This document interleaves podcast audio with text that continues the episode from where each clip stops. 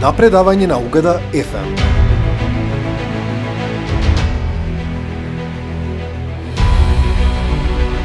Добар ден, драги слушатели. Најпрво да ви се представам. Јас сум Стојче Читкушева Димитрова и сум студент на Универзитетот за медицински науки Гоце Делчев во Штип.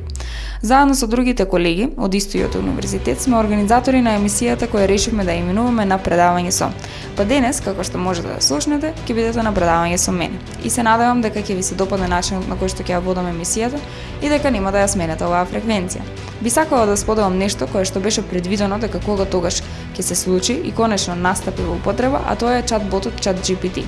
Може би звучи конфузно за оние кои што не се запознати, обично по старите генерации, но останете со нас и ќе го разјасним.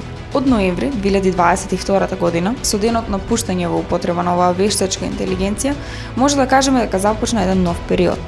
Нова ера во која што сме зачудени од моќта на технологијата Со прашањата како се користи, кои се ризиците и дали придобивките се поголеми од ризиците, ќе се запознаеме во текот на емисијата.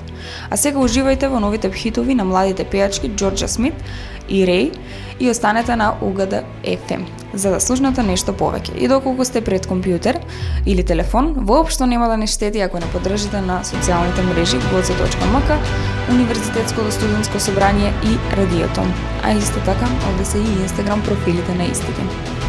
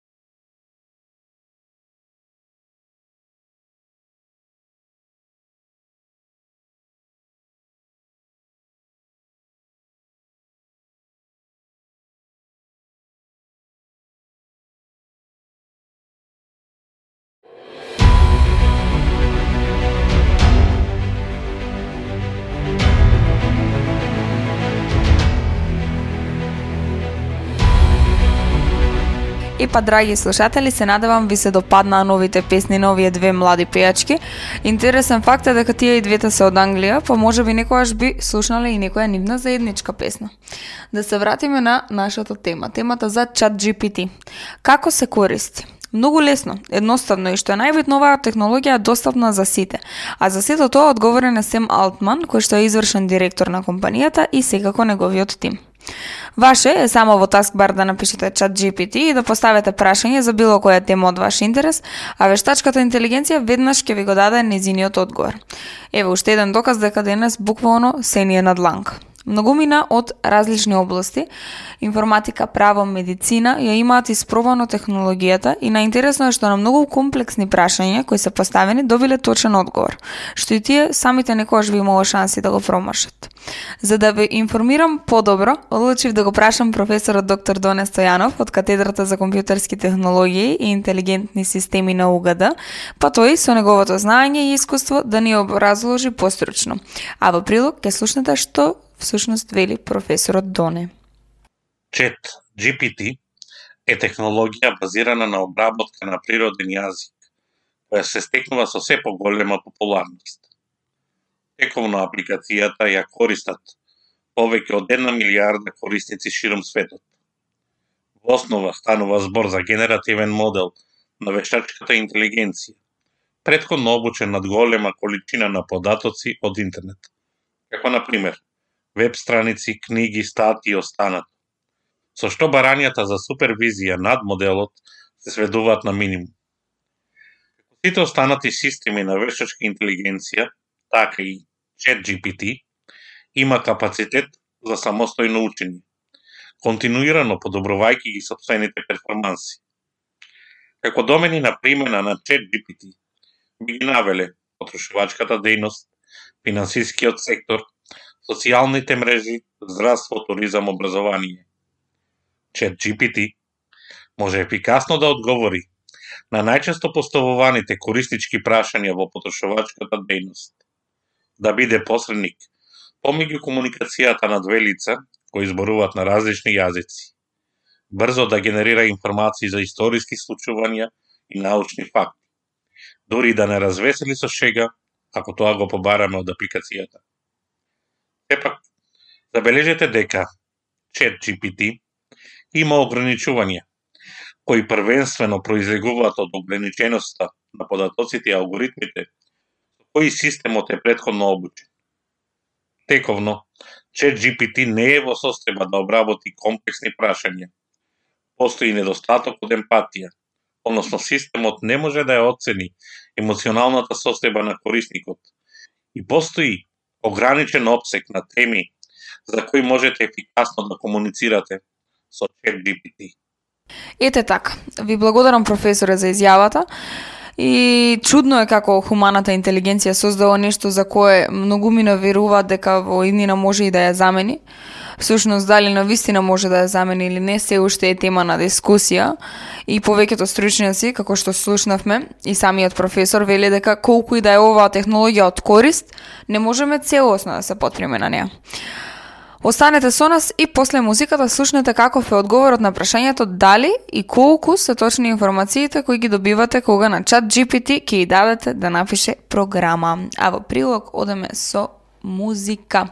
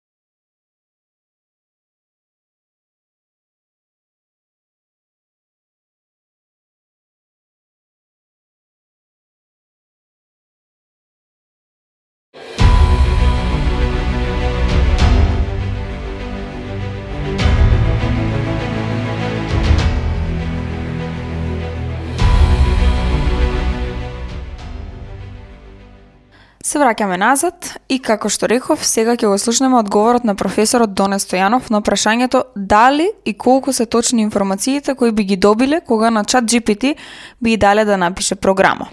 Најпрво, пред да ја слушнеме изјавата, би сакала да и се заблагодарам на продеканката Лимонка Коцева Лазарова за незината ангажираност и секако на професорот Доне Стојанов, чија што изјава ќе ја слушнеме во прилог. Одговорот на поставеното прашање е зависи зависи од природата, комплексноста и специфичноста на проблемот кој програмата би требало да го реши. Така, на пример, доколку би побарале помош од вештачката интелигенција да напише код за пребројување на големи букви во текст, тоа би го направила повеќе од успешно. Причина за тоа е фактот дека станува збор за општ, генерички проблем, честопати имплементиран во еден или повеќе програмски јазици, јавно достапен во повеќе бази на кодови, за кој и за начинот на негово решавање, повеќето системи на вештачка интелигенција веќе имаат осознаено во процес на обука. Инаку, кога би побарале од вештачката интелигенција да реши непознат проблем или проблем за кој системот нема акумулирано доволно признаење, не би можеле да дадеме гаранции за точноста на информациите, Вештачката интелигенција е пред се корисен, персонален асистент за решавање на генерички проблеми.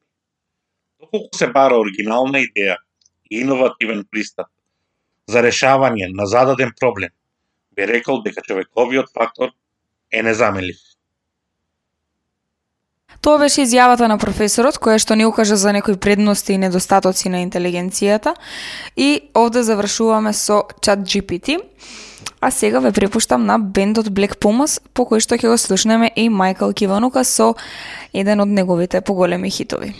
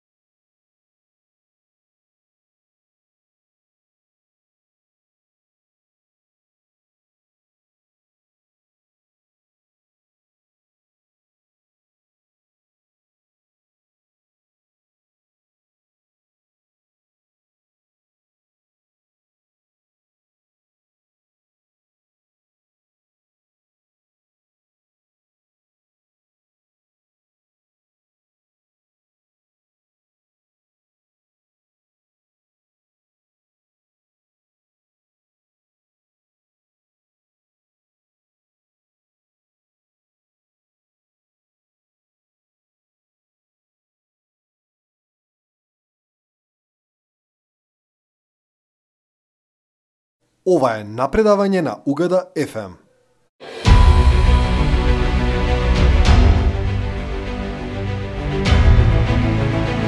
И повторно јас ви благодарам што останавте со нас во нашата емисија на предавање со, овој пат на предавање со мене. Се надевам ќе ви бидам умилена од сите пет студенти а може може и најдосадно. За оние кои што не знаат што зборувам, во оваа емисија учествуваат студенти кои го представуваат универзитетското радио на Универзитетот Гоце Делчев во Штип и секој работен ден има различен студент кој зборува за теми кои што мисли дека ќе бидат од интерес на публиката. Имајќи оваа можност во секоја нова емисија на која што ќе зборувам јас, сакам да споделувам по еден факт кој можеби би ве заинтересирал Може би пак веќе го знаете, а може би ќе ви остане бескорисно заглавен во вашата меморија.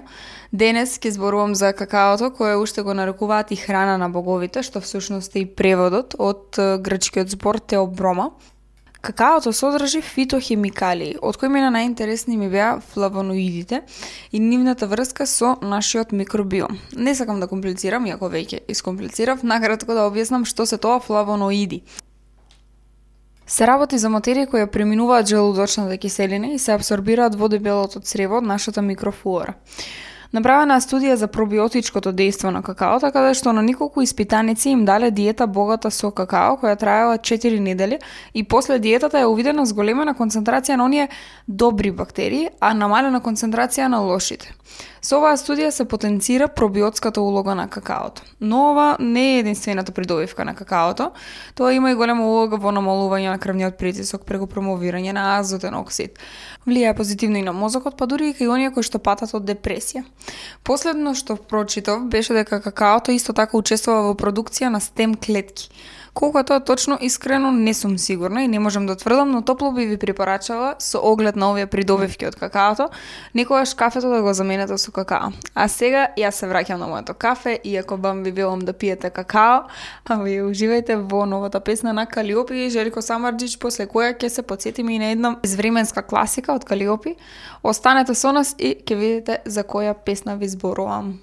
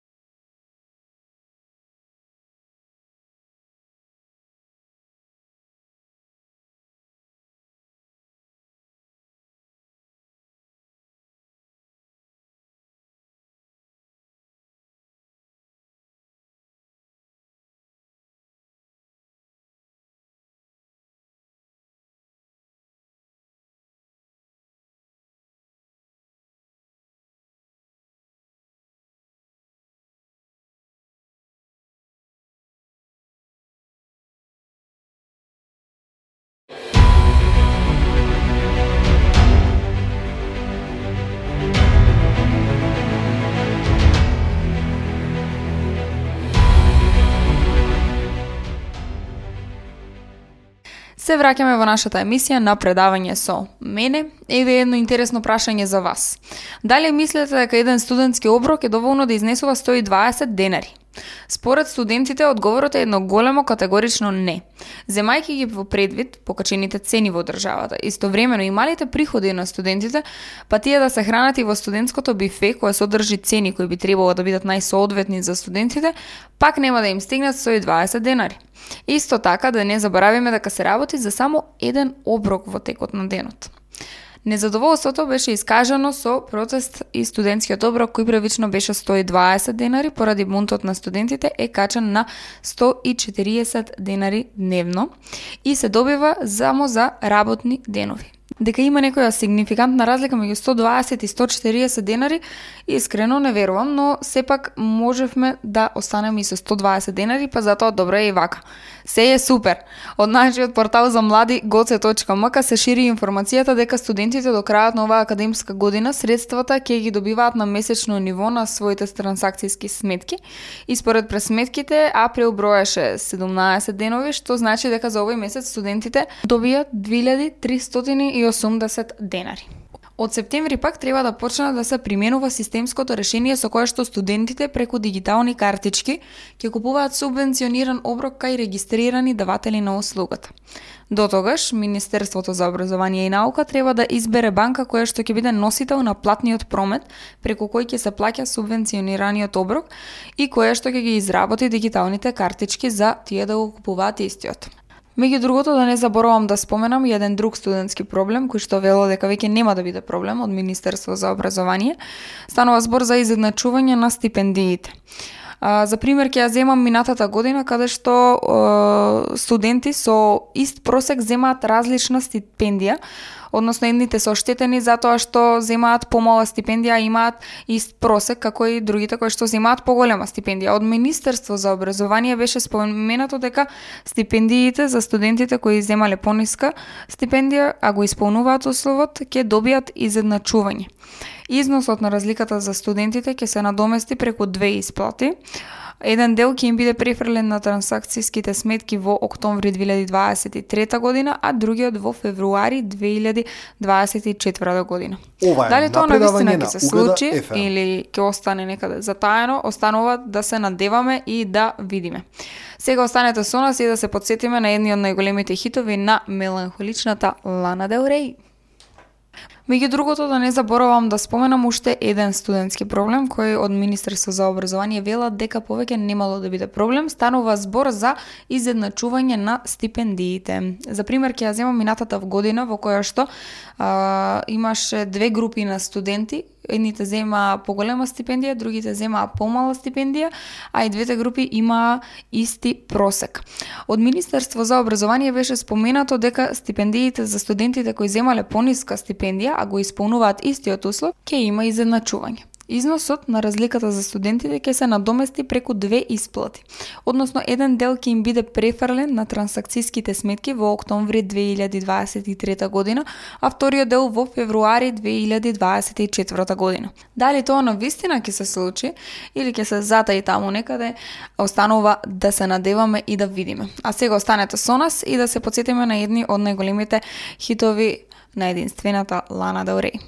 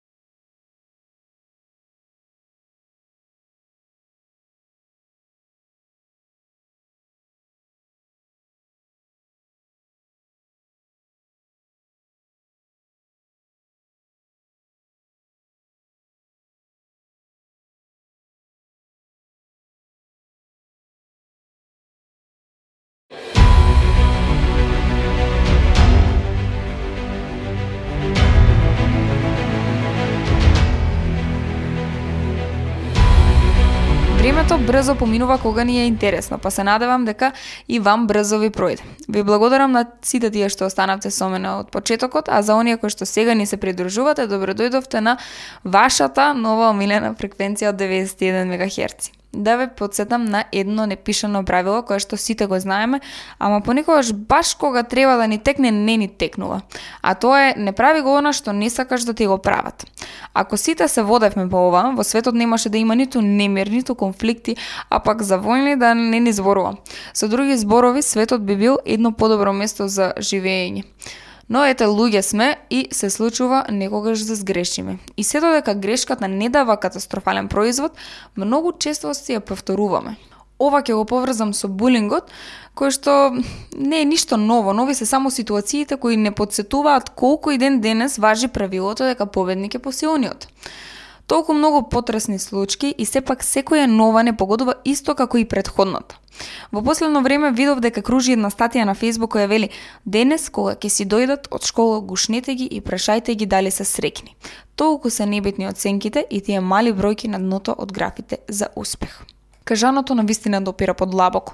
Кога ќе се запрашаме на крајот од денот што на вистина вреди во животот, верувам дека никој нема ни да се сети на тројката по математика во седмо оделение. Малку се дистанцирав од првичната тема на која што сакав да зборувам, иако и незадоволните родители се поврзани со менталното здравје и импулсивноста на децата, сепак да се вратам на она што сакав да го кажам. Булинг. Јас можам затоа што сум подобар, посилен, попаметен и сум над тебе.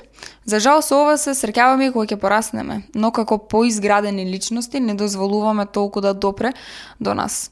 Но кога едно дете на кое што му предстои градење на карактер, ќе биде обесхрабрено, понижено, малтертирано, што мислите? Во што би се претворило?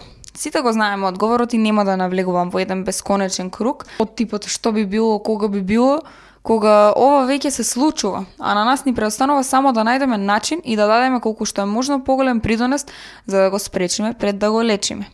Останете со нас и слушнете што велат светските експерти за справување со булингот и како секој родител, родител би можело да придонесе во оваа борба. А во продолжение, Майкл Джексон и Џон Ленон со песните чија што тематика за жал уште се немаат остварено.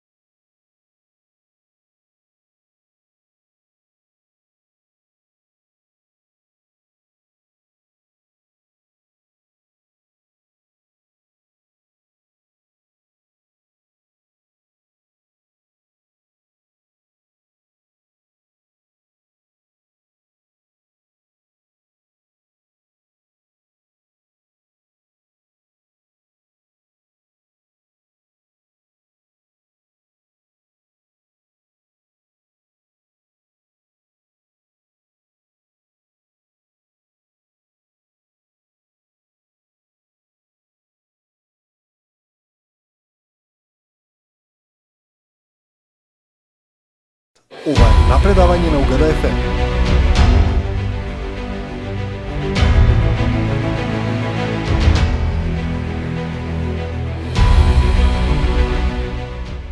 Доколку сте се уште со нас, реков дека ќе споделам дел од препораките од светските експерти за спречување на булингот.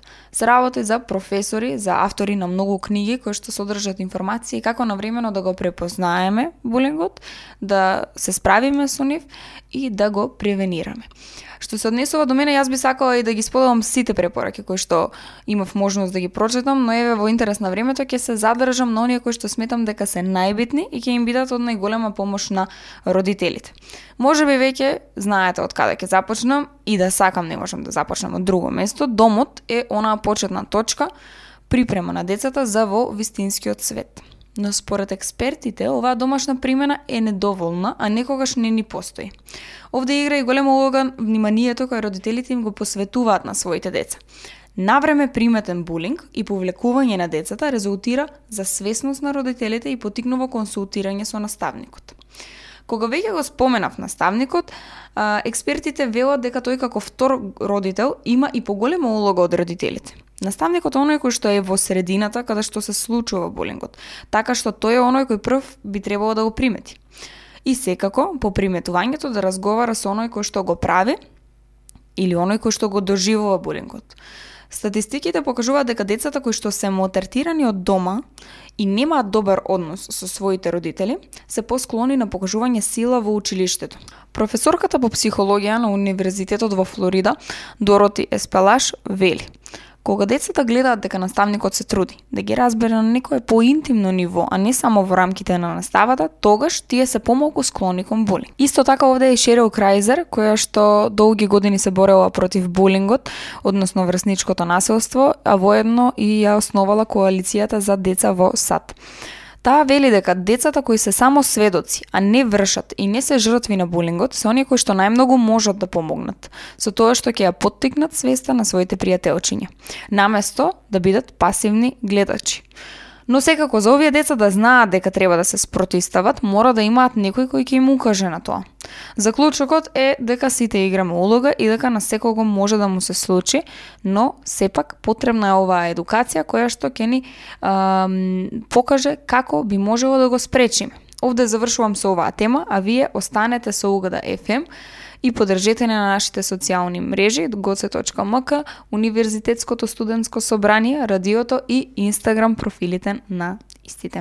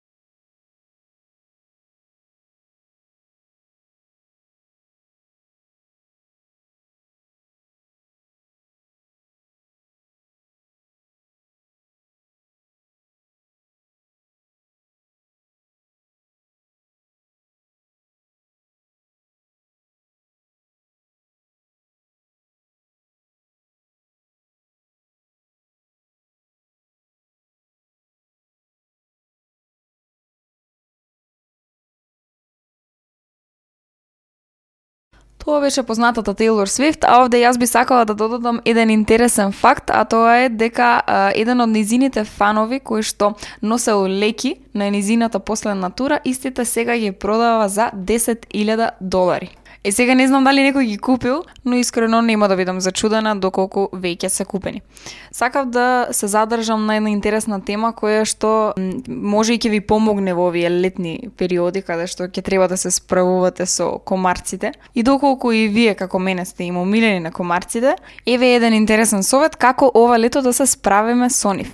Најпрво да кажам дека ова се базира на една студија која што е направена во Вирџинија Тек, э, истражувачи во Универзитетот за за агрикултура и животни науки и докажано е дека доколку го сменете вашиот сапун или гел за туширање, можете да действувате врз каснувањето од комарци. И сега главното прашање кое што се поставува е тоа кој мирис ги привлекува комарците кон нашата кожа, а кои се оние мириси кои што ги одбиваат. И докажано е дека сите оние овошни, благи, цветни миризби имаат привлечно дејство врз комарците затоа што истите овие инсекти се привлекуваат кон нектарот на растенијата. Па така самите сапуни кои што го имитираат овој цветен мирис ги привлекуваат комарците. И сега она што најмногу не интересира е кој мирис ги е, оддалечува комарците од нашата кожа. А тоа докажано е дека е мирисот на кокос. И сите оние сапуни кои што содржат мирис на кокос, според оваа студија, докажано е дека а, предизвикуваат помалку каснувања од комарците. Се надевам дека кажанова информација ќе ви биде од помош за престојните летни денови и доколку сакате да слушнете уште некои вакви интересни информации, останете со нас и слушате Угада FM. Во продолжение ја слушаме Били Айлиш.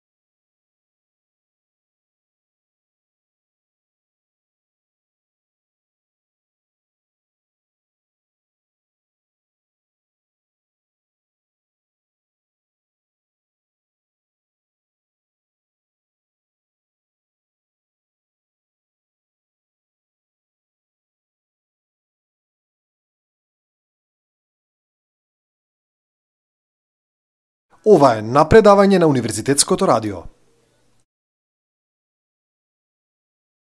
Драги слушатели, за сите оние кои што сега ни се прекоочувате на Универзитетското радио УГД ФМ, да напоменам дека моментално ја слушате емисијата на предавање со. Организирана од студенти на факултетот Гоце Делчев во Штип, Јас сум една од нив, моето име е Стојче Житкушева Димитрова и денес сте на предавање со мене. Овде би сакала да додадам дека сите ние кои организираме емисијава имаме многу мало искуство, па затоа ако би сакале да ни предложите некоја тема или поразличен концепт, слободно пишете ни на нашите Инстаграм и Facebook профили. Во продолжение за сите оние кои што внимаваат на исхраната или кои што се приготвуваат за а, летото, би сакала да дадам некои совети кои што ги прочитав и кои што се надевам дека ќе ви помогнат. Најпрво би сакала да ги споменам овошните сокови, па дури и оние кои што пишува дека се 100% природни, Па и вие дома да се исцедете сок, знаете дека е природен, но сепак знаете дека пулпата ја фрвате, а всушност тоа се влакната кои што ве одржуваат на некој начин сити. Меѓутоа, со цедењето на сокови, добиваме само сок и добиваме само шекери кои што шекери понатаму ја отежнуваат функцијата на метаболизмот за слабење. Односно, колку повеќе шекери, толку повеќе инсулин. А самиот инсулин е штедач на мастите. Така да доколку на вистина сакате да ослабнете, но наутро пиете е, цедени сокови, за можете да го заменете со чај или со нешто кое што нема да содржи толку многу шекери. Второто нешто за кое што верувам дека повеќето сме свесни е крафт пивото. Всушност докажано е дека криго од 300 мл пиво има околу 170 калории или дури и повеќе според Medline Plus. Причината за оваа разлика во споредба со комерцијалните пива е тоа што тие често имаат дополнителни состојки и аглехидрати кои го подобруваат нивниот вкус. Покрај тоа овие пива имаат тенденција да имаат поголема содржина на алкохол, а право пропорционално повеќе алкохол значи повеќе калории. Кога сме веќе кај пивото да наведам дека способноста да ги зголеме шекерите во крвта а, го прават непрепорачливо кај луѓето кои што страдаат од диабет. Оние кои што имаат прекумерна тежина, нетолерантните на глутен, исто така не треба да пијат пиво. И како што се зголемува стапката на диагностицирани со синдром на нервозно дебело црево, овде треба да се напомене дека пивото предизвикува надуеност, гасови, диарија и ги иритира цревните ѕидови, а со тоа ја задржува течноста во телото на пациентот, што не оди во прилог на луѓето кои што патат од синдром на нервозно дебело црево. Истото ова важи и за оние кои што имаат желудочни киселини и проблеми со црниот дроб, бидејќи сепак пивото е алкохолен пијалок. Интересен факт е дека во 2021 година Светската здравствена организација а, направила еден European Health Report а, во кој што се гледа кои земји пијат најмногу а кој најмалку алкохол и што мислете вие? Македонија во оние кои што пијат најмногу или во оние кои што пијат најмалку алкохол?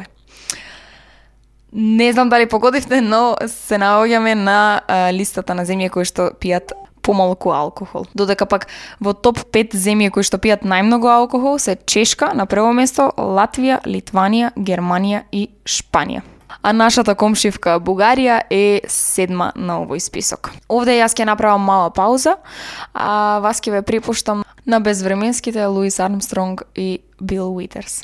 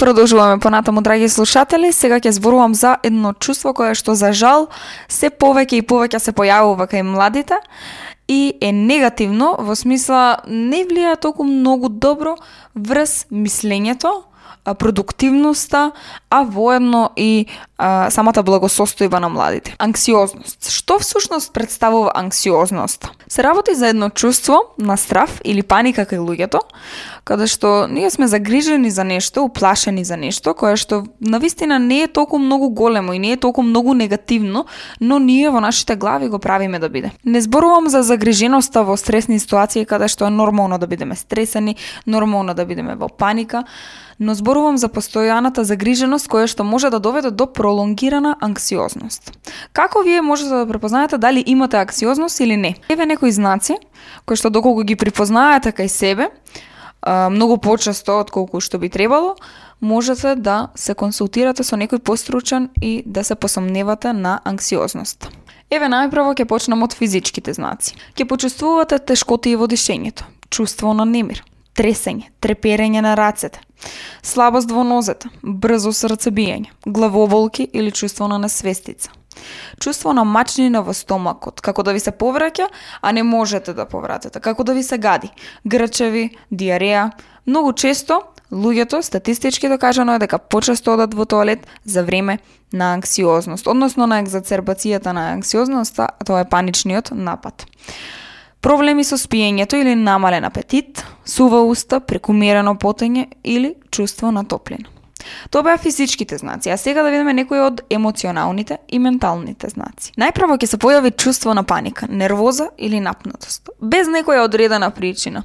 Едноставно исплашени сте од работите што би можело да се случат. Понатаму ќе забележите дека имате недостиг на концентрација. Фокусот ви бега на секаде.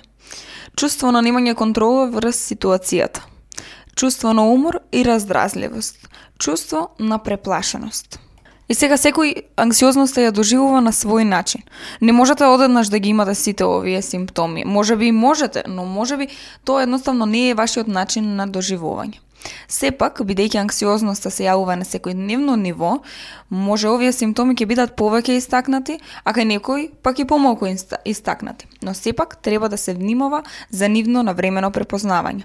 Особено кај децата. Може би не сте знаеле, но многу од децата чувствуваат анксиозност на возраст од околу 6 месеци до 4 години. Многу е вообичаено за децата да чувствуваат анксиозност поради разделување, поради онаа фаза на осамостојување. Исто така пред тест во училиштето или при запознавање со нови другарчиња. Децата ја имаат она искрена срамежливост во почетокот на социализацијата. Но многу често се случува децата да не го надраснат овој страв. И ако тоа почна да влијае на училиштето, на фокусот, на концентрацијата, на учењето, на домот, на играњето, тоа може да значи дека е потребна поддршка од стручно лице за менталното здравје. Родителите пак мислат дека тие се единствените кои што можат да сватат што не е во ред со нивните деца. Но тоа воопшто не е така. Точно, родителите се оние кои што можат да приметат доколку нешто не е во ред со нивните деца. Но запомнете, само лекар или стручно лице за ментално здравје може да диагностицира одредена состојба. И овде се појавува прашањето зошто баш јас, зошто баш на мене да ми се јави анксиозност. Најпрво треба да кажеме дека анксиозноста може да биде генетски пренослива. Понатаму, анксиозноста и депресијата се поврзани една со друга. И како еден непроменлив фактор, овде ќе го наведам тоа дека жените се дупло повеќе склони кон добивање на анксиозност. И овде не се работи за едно чувство кое што поминува без да остави никакви последици. Не знам дали сте знаеле, но анксиозноста предизвикува многу промени во вашето тело, како на пример ладни раце и нозе. Може би некогаш се прашувате зошто постојано рацете и нозата ви се ладни. И може би анксиозноста нема да биде одговорот за вас, но во оваа стресна состојба на анксиозност се јавува fight or flight или одговор на борба и бегство. По дејство на кој што вашата крв од периферните делови, односно од екстремитетите, се стреми да отиде кон торзото или кон вашите витални органи. Со самото тоа циркулацијата во периферните делови, во рацете и нозете, се намалува, а тие побрзо оладуваат. Понатаму аксиозноста може да направи и проблеми со меморијата. Затоа што кога сме аксиозни, многу пати не сме присутни во моментот. Туку мислете ни одлетуваат кон кон нешто друго, односно премногу сме зафатени за да бидеме загрижени, наместо да живееме сега овде во овој момент. Секој од нас ќе има искуство со ова чувство, но психолозите и психијатрите препорачуваат навремено информирање и едукација за истото да можеме да го победиме полесно. И овде јас ќе завршам со оваа тема. На вас ви благодарам за вниманието, а сега ќе слушнете нешто кое што се надевам дека ќе ве опушти и ќе ве развесели.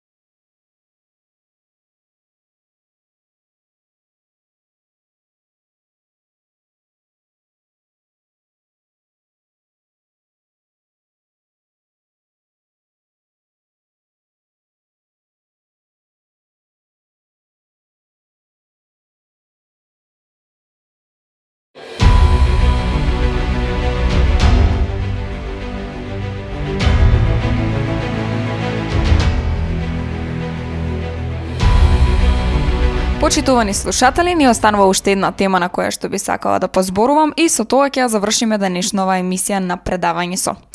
Се надавам научивте нешто ново, а исто и јас се запознав со многу интересни факти. Морам да кажам дека пред да почнам да ја подготвувам емисијава, не сум ги знаела овие информации, па затоа ете благодарна сум што со ова можам да го збогатам како вашето, така и моето знаење. Како последна тема го издвоив тивкиот убивач, односно хипертензијата. На 17 март беше светскиот ден на хипертензијата, па затоа решив да обрнам посебно внимание секојдневно слушаме, а и гледаме луѓе кои страдаат од хипертензија. Ете, на пример, сега додека јас зборувам, сигурно ви текна, и мене ми текнува на луѓе кои ги познавам и страдаат од хипертензија. Просечно 30% од мачите и 23% од жените страдаат од овој подмолен убиец. Најчесто се работи за примерна или уште наречена есенцијална хипертензија. Всушност има два вида на хипертензија, примарна и секундарна, но 95% од хипертензијата се препишува пишува на примарната, па затоа ќе се задржам на неа. Ајде вака. За да објаснам побаво најпрво да кажам што е хипертензија. Верувам дека сите знаеме, тоа е висок крвен притисок над 120 мм живин столб систолен со над 80 мм живин столб диастолен. И понатаму колку што е повисок имаме различни степени, така и класифицираме од кој степен ни е хипертензијата, но што е суштината?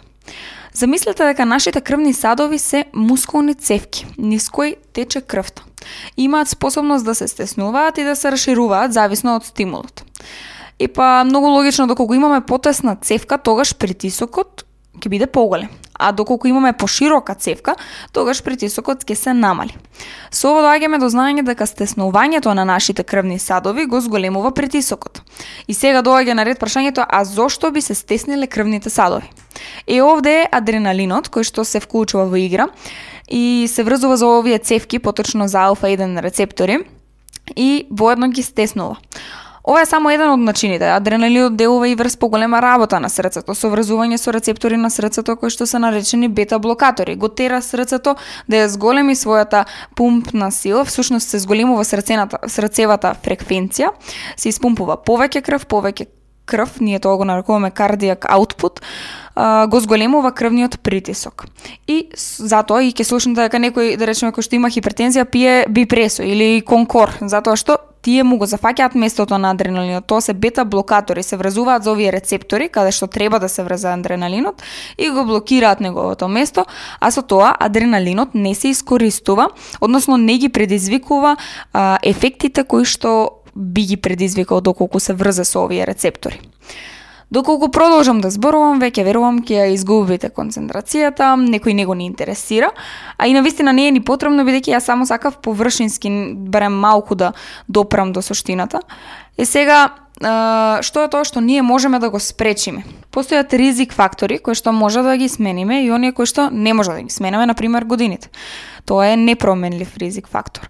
Но затоа пак треба да се насочиме кон оние што на кои што можеме да делуваме. А тоа се да намалеме со пушењето, доколку е возможно и да престанеме, да намалеме со солената и со мрсната храна, со тоа и со алкохолот, а, на целото ова да не заборавам да кажам дека треба да се внимава и на зголемената килажа која што треба да се намали. Обично оние луѓе кои што се пообезни имаат хипертензија, страдаат од хипертензија, а исто така и оние кои што имаат седентарен начин на живот. Физичката активност, сега има и нови истражувања кои што велат дека врз база на физичка активност може да се делува на многу болести, многу состојби, меѓу кои што е и а, самата хипертензија. И сега вие може еве мене ме слушате, јас зборувам овде за различни ризик фактори, пушење, алкохол, обезност, седентарен начин на живот и ви доаѓа мисла еве можеби јас имам хипертензија. Како би го утврдиле ова? Најпрво би сакала да ги споменам а, симптомите на хипертензија, некои од симптомите на хипертензија, во кои што може да ги набројам хематурија, односно крв во урината понатаму чести краварења од носот, тоа е заради високиот притисок кој што капиларите немаат капацитет да го издржат, затоа што тие се изградени од едни многу тенки ѕидови и под голем притисок пукаат. Понатаму главоболките кои што се пропратен симптом, кои што може да бидат фронтални, значи од напред, од двете страни со едни пулсирања, ова се нарекува пароксизмална главоболка, се јавува и во окципиталниот регион од позади.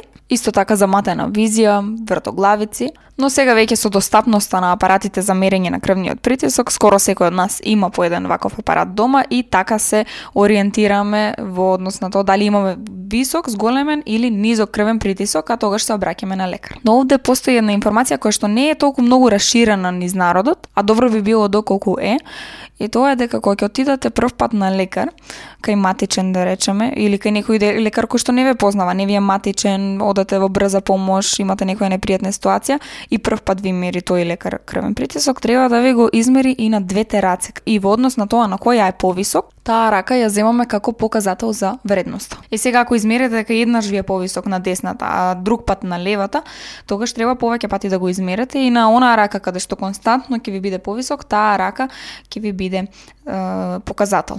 Интересно е тоа што има студии кои што укажуваат на тоа дека колку е поголема разликата во крвниот притисок меѓу двете раце, толку е поголем и ризикот за добивање на срцев и мозочен удар во текот на следните 10 години од животот. Сепак мислам дека оваа разлика мора да биде сигнификантна, односно многу голема, за да кажеме некој пациент дека е ризичен за добивање на удар. Овде јас ќе завршам со оваа емисија. Се надевам дека убаво се поминавте со мене, дека се забавувавте, како што реков и предходно научивте нешто ново. Јас сум Стојче Читкушева Димитрова, вие слушавте Угада FM и уште ќе слушате доколку останете на оваа фреквенција и се гледаме во следната емисија. Да не заборавам да кажам, а и вие да не заборавате да не поддржате на нашите социјални мрежи goce.mk, Универзитетското студентско собрание, радиото и Инстаграм профилите на истите. Ви благодарам за вниманието, а вие имајте прекрасен ден.